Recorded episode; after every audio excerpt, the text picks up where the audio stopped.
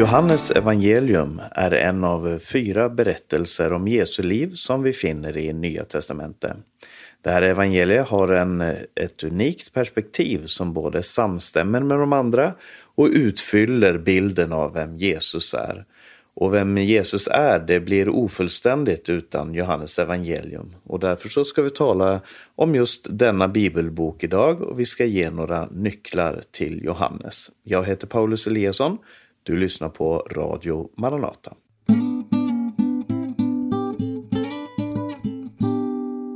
Johannes evangelium är det fjärde evangeliet och också den fjärde boken i vårt nya testamente. Eh, det är ett av de mest spridda eh, bibelböckerna under den tidiga församlingen. Alltså det är Johannes evangelium som vi så att säga har flest kopior av tidigt i den tidiga församlingen. Eh, den består av 21 kapitel och eh, i kyrkohistorien så har man ofta symboliserat Johannes och hans evangelium med en örn. Ehm, det kallas för Johannes evangelium, det här fjärde evangeliet, men eh, personen som har skrivit namnger inte sig själv, säger inte hej, det är jag Johannes som har skrivit det här, men kallar sig själv för den lärjunge som Jesus älskade. Och det verkar tydligt ifrån texten att det är Johannes, en av de tolv lärjungarna som har skrivit den här texten. Men det kan också vara eh, möjligen en annan Johannes. Eh, det nämns eh, i den tidiga församlingens historia så nämns det om Johannes den äldste som, Eh, som författare och det är oklart om det är just Johannes en av de tolv eller eh, en annan. Men eh, vi vet att det här är ett ögonvittne som skildrar det här och som nedtecknar det som har skrivits här. Det här evangeliet det har daterats så tidigt som runt 45, alltså bara 15 år efter Kristus. Det finns vissa som menar att det, att det skulle vara en så pass tidig skrift. Eh, men antagligen så är Johannes evangelium skrivet efter de andra evangelierna. Just därför att eh, det verkar som att Johannes utgår ifrån att man känner till de andra texterna, att man vet om eh, Matteus, Markus och Lukas och att han vill berätta en kompletterande historia och en lite annorlunda historia. Därför så är de flesta eniga i att Johannes evangelium är skrivet en gång mellan år 70 och 95, antagligen i den senare delen av det spektrumet. Eh, ett tag så trodde man att eh, Johannes evangelium var skrivet ännu senare eftersom det har så utvecklad kristologi, alltså hur den talar om Jesus är väldigt, eh, eh, som eh, är väldigt upphöjt och det menade man eh, är saker och ting som dök upp senare i eh, församlingens historia. Men eh, senare fynd av väldigt tidiga fragment av Johannes evangelium gör det nästan omöjligt att det skulle vara skrivet efter år 100 efter Kristus. Så vi är alltså maximalt 60-70 år efter de här händelserna som eh, det skrivs ner. Och sättet som det skrivs ner, jag har redan sagt att eh, Johannes har ett väldigt annorlunda uttryckssätt mot eh, de tre andra evangelierna som kallas för synoptikerna, synoptiker. Eh, det betyder att se någonting tillsammans, alltså man ser på samma sätt. Och Matteus, Markus och Lukas använder mycket av det samma materialet Antagligen så bygger de lite grann på varandra. Eh, och även om Johannes har med mycket av det som står i, i de tre synoptiska evangelierna eh, han har med en del under, en del händelser, saker som Jesus säger och så vidare som de andra har, så har han ändå ett väldigt unikt språk, ett unikt sätt att tala om det Gud gör. Eh, Matteus, Markus och Lukas talar mycket om himmelriket och Guds rike. Men Johannes, han har som sitt eh, huvudord eh, eller sitt, eh, sitt stora tema handlar om evigt liv och Guds kärlek uttryckt i Jesus Kristus.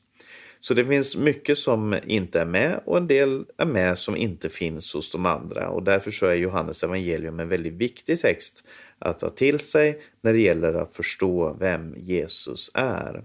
Jesus talar på ett väldigt unikt sätt i Johannes evangelium.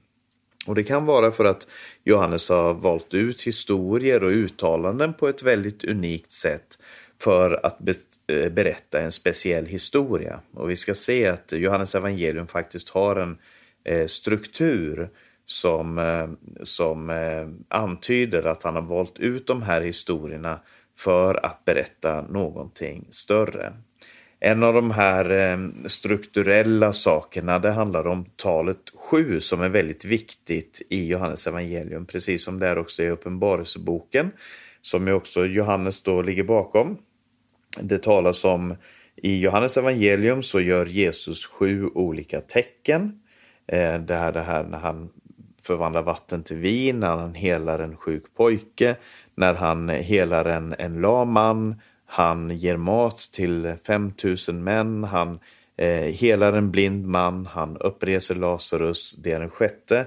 Och sen det sjunde tecknet är då hans egen uppståndelse.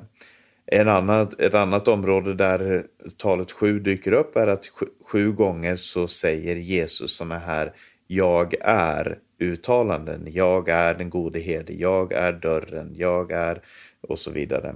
Eh, och en sak som är eh, speciellt för Johannes evangelium är att berättelsen är väldigt centrerad runt Jerusalem och de olika högtiderna som skedde där i Jerusalem. Medan de andra evangelierna har med Jesu resa till Jerusalem och att Jesus var där. Men eh, de utspelar sig mycket mer i Galileen och det Jesus talade i det området. Så har eh, Johannes mycket mer om Jesu konfrontation med eh, Jerusalem och det som skedde där. Och framförallt så handlar eh, Johannes evangelium mycket om Jesu identitet och det ska man ju säga, det gör ju de andra också. Men eh, det är väldigt utvecklat här. Det talas om att Jesus är ordet, han är livet, han är vägen, ljuset, brödet, sanningen, eh, dörren, herden och så vidare. Eh, så det kan vara värt när man läser Johannes evangelium att reflektera just över det här. Hur beskrivs Jesus som person och vad betyder det? Och framförallt det som står i den första versen i det första kapitlet där Jesus beskrivs som Gud själv. I begynnelsen var ordet, ordet var hos Gud och ordet var Gud. Så vad är då anledningen att Johannes skrev sitt evangelium? Jo, i den sista versen i eh, hela evangeliet. Eh, I den näst sista versen så sägs det att eh, det har skrivit, eh, Jesus gjorde väldigt mycket annat. Eh, och, och, att inte alla världens böcker skulle rymma allt om det blev nedskrivet. Och så säger den sista versen, men dessa, alltså dessa tecken, dessa under som Jesus gjorde, det som, Jesus, det som är beskrivet i den här boken, dessa har blivit nedskrivna för att ni ska tro att Jesus är Messias, Guds son och för att ni genom tron ska ha liv i hans namn. Nu ska vi gå in i texten. Johannes evangelium börjar med en majestätisk prolog.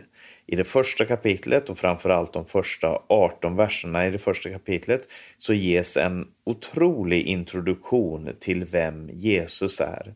Eh, Jesus beskrivs som ordet, han har ljus, han är liv och han är Gud själv. Det här första versen som jag redan har citerat, i begynnelsen var ordet, ordet var hos Gud och ordet var Gud. Det beskriver Jesus i sin, innan han inkarnerades, innan han blev människa och innan någonting existerade utom Gud. För att genom honom har alla ting som är till, allting som har blivit till, har blivit till genom honom. Och han själv har inte blivit till, han själv är evigt existerande, precis som Fadern. Han delar identitet med Fadern. Eh, vi tror ju på treenigheten som enkelt uttryckt handlar om att eh, Fadern, Son och den helige Ande är tre personer, men alla dessa tre eh, är en del av Gud och Gud är en. Så det är ett väsen som är Gud och tre personer som är Fadern, Sonen och den helige Ande. Och det uttrycks väldigt tydligt i, bland annat i prologen i Johannes. Eh, men sen så sägs det då att det här ordet blev kött, alltså blev människa och bodde ibland oss. Och det är mycket symbolik i de här första verserna ifrån både Ordspråksboken och Andra Mosebok. Och det kan vara värt att, även om det inte citeras från Gamla Testamentet, så kan det vara värt att se den otroliga symboliken och parallellerna till det som eh, tecknas i Gamla Testamentet. Så sägs det i den 18 versen att ingen har sett eh, Fadern, men den enfödde eh, som själv är Gud, han har uppenbarat vem Fadern är. Så när vi ser Sonen så uppenbarar han vem Fadern är. Och så i resten av kapitel 1, eh, efter den här prologen, så börjar Jesus verka och då är det sju gånger, än en gång, eh, sjutalet, så talas det om Jesus och människor som beskriver honom. Beskriver honom som Guds lam, som Guds son, som rabbi, alltså en lärare. Han beskrivs som Messias, alltså Kristus, den smorde. Han beskriver sig själv som Människosonen, eh, hämtat ifrån Daniels profetior. Han kallas för Israels kung och han kallas för Jesus från Nasaret. Och det, allt det här beskriver Jesus som helt och fullt människa och helt och fullt Gud. Så det är eh, prologen i eh, Johannes evangelium. Sen ifrån eh, kapitel 2 till kapitel 10 så möter vi Jesus i, som gör olika tecken. Han, skapar, han gör saker och ting som skapar bestörtning bland de som lyssnar på honom. Eh, och han gör vatten till vin till exempel i bröllopet i Kana. Eh, och det här kallas för ett tecken. Och ett tecken är ett uttryck för att någonting pekar mot någonting annat. Alltså ett mirakel, om vi hade talat om det här som ett mirakel så kunde vi ha sagt ja, eh, han gjorde ett mirakel, alltså någonting som inte är naturligt, någonting som är utanför den naturliga gången. Vatten blir inte till vin. Om man, hade, man kan tala om att Jesus eh, helar, ja då är det någon som är sjuk som på ett övernaturligt sätt blir frisk. Eh, men Johannes han kallar de här sakerna för tecken. Och så att undret i sig själv, det övernaturliga tecknet, det pekar mot en verklighet som ligger bortom själva händelsen.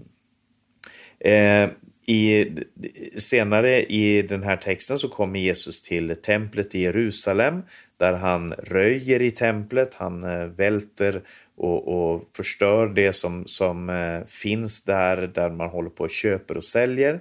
Och när han konfronteras med vad det är han gör så säger han riv detta tempel och på tre dagar så ska jag bygga upp det igen.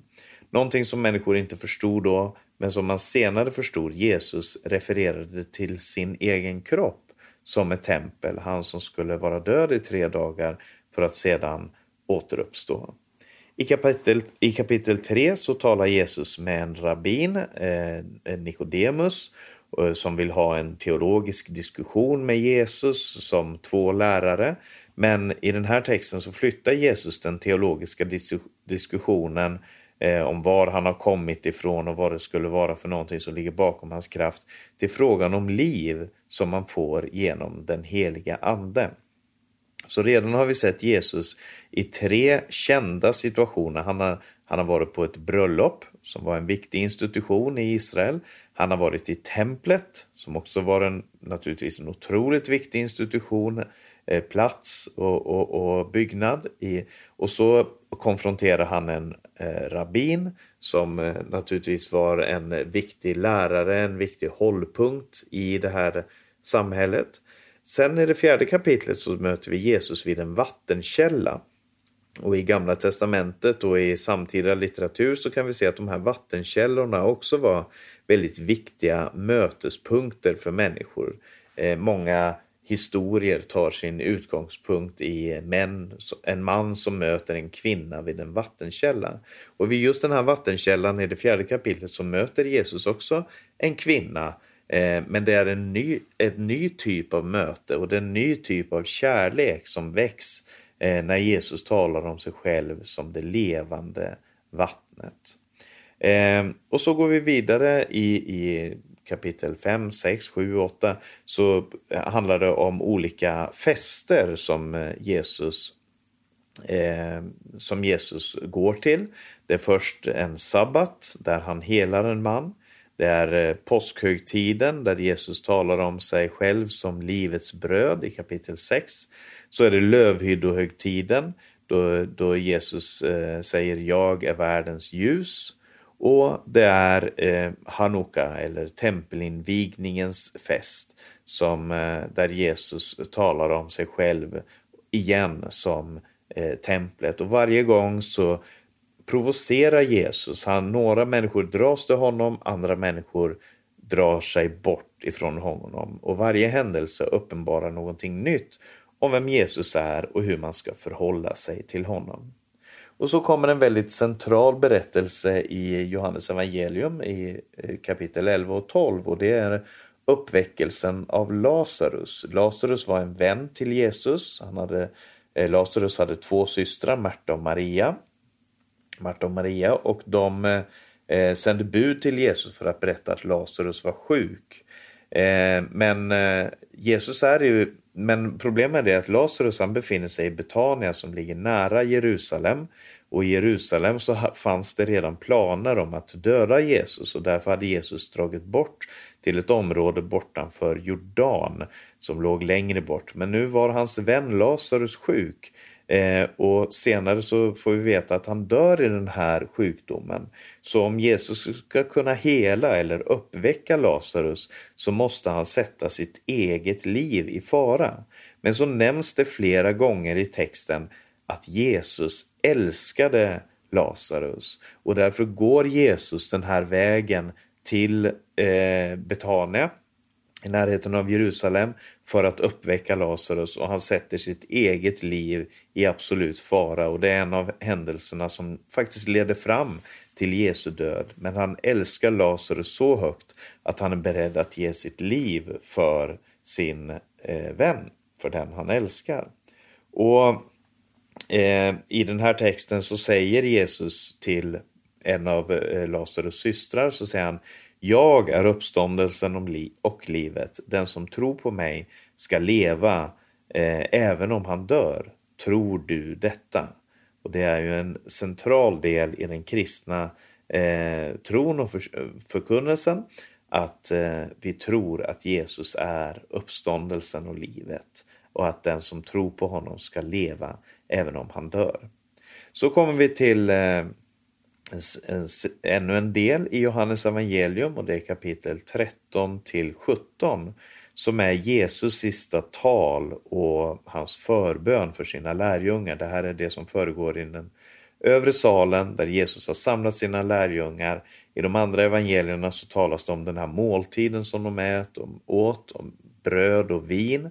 Men i den här berättelsen så börjar det med att Jesus tvättar lärjungarnas fötter som en symbol, både vad han själv ska göra då han går korsets väg och dör, eh, men också vilken attityd som han önskar att lärjungarna ska kunna ha eh, mot varandra.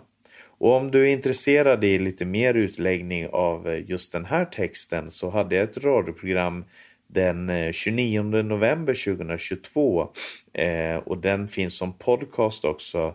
Eh, den kallas, det programmet heter Då reste han sig från bordet. Där jag går lite mer in i det som händer i kapitel 13 och vad det symboliserar. Om du är intresserad av det så kan du gå tillbaka då till 29 november 2022 i någon podcast-app där Maranatas podcast finns och höra det programmet också.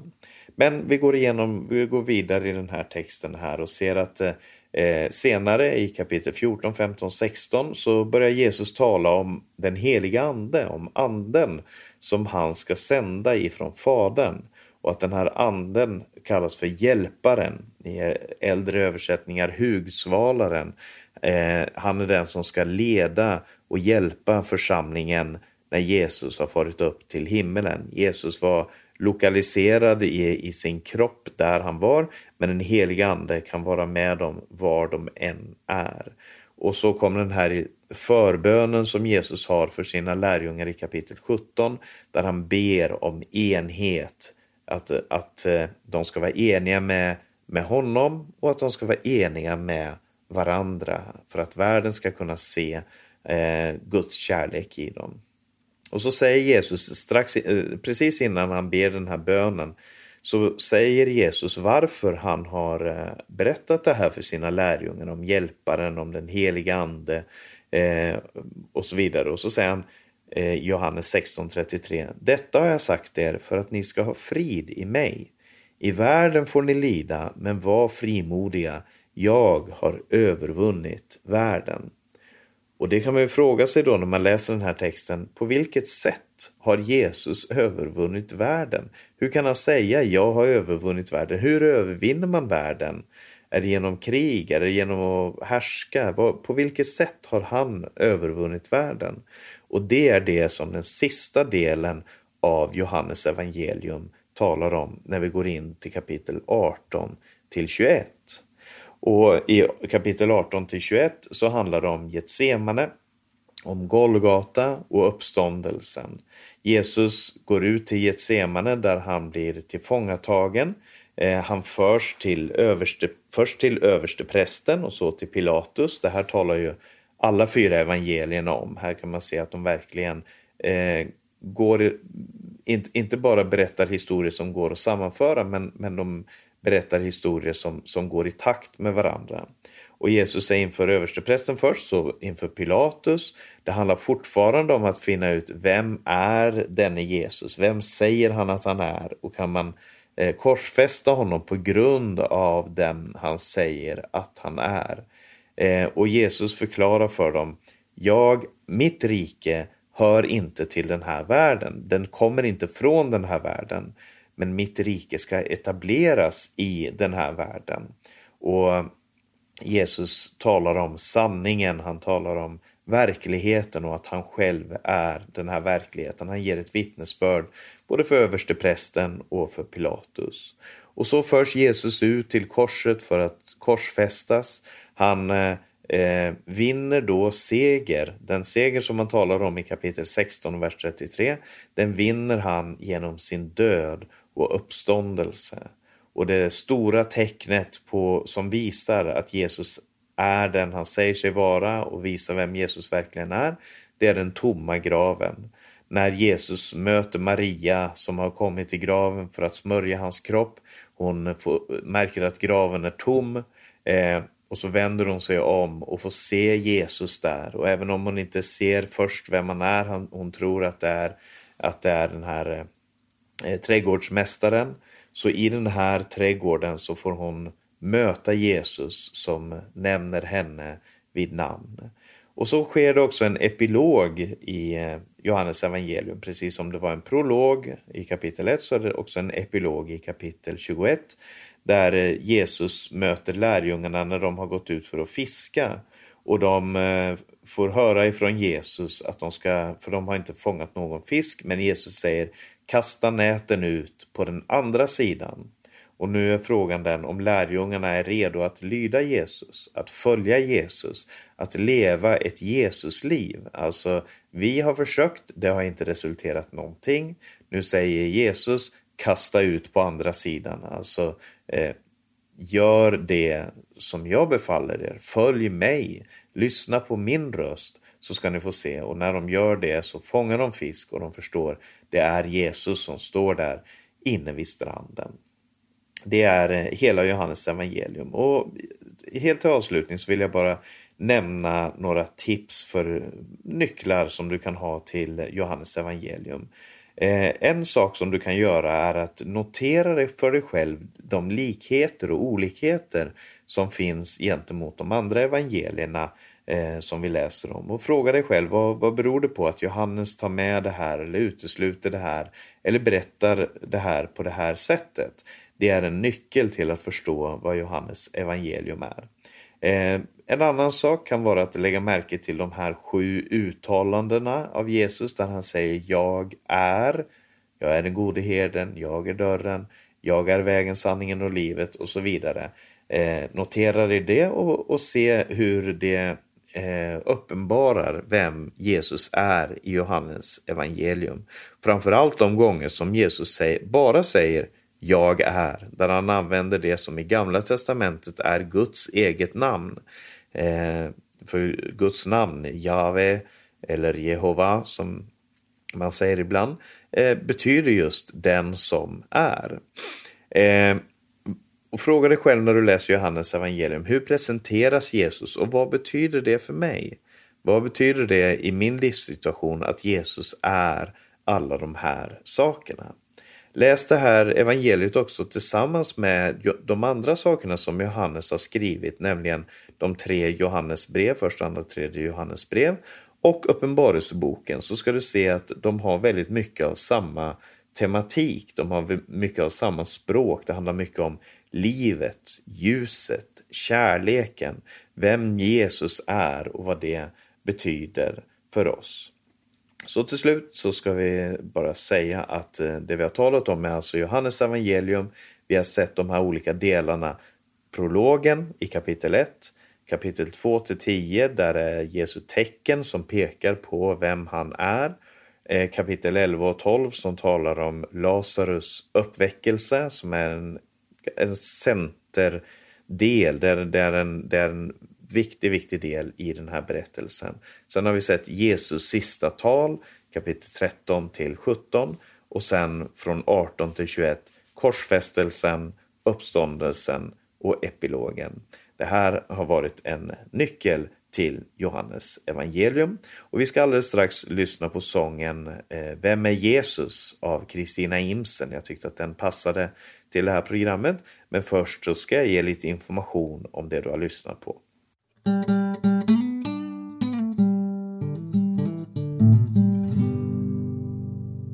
Du har lyssnat till en podcast ifrån Radio Maranata med mig, Paulus Eliasson. Det här programmet har sänds över Stockholm 88 MHz och Örebro 95,3 MHz, närradiostationerna i Stockholm och Örebro. Sprid gärna programmet till andra om du finner dem intressanta. Om du har några frågor eller kommentarer så får du gärna skicka en e-post till info maranata.se eller så kan du ringa 070-201 60 20. På hemsidan maranata.se så kan du också höra alla de här programmen, läsa tidningen Minnesropet och se Radio Maranatas övriga sändningstider. Sprid Guds välsignelse till alla du möter. Vi hörs igen om en vecka.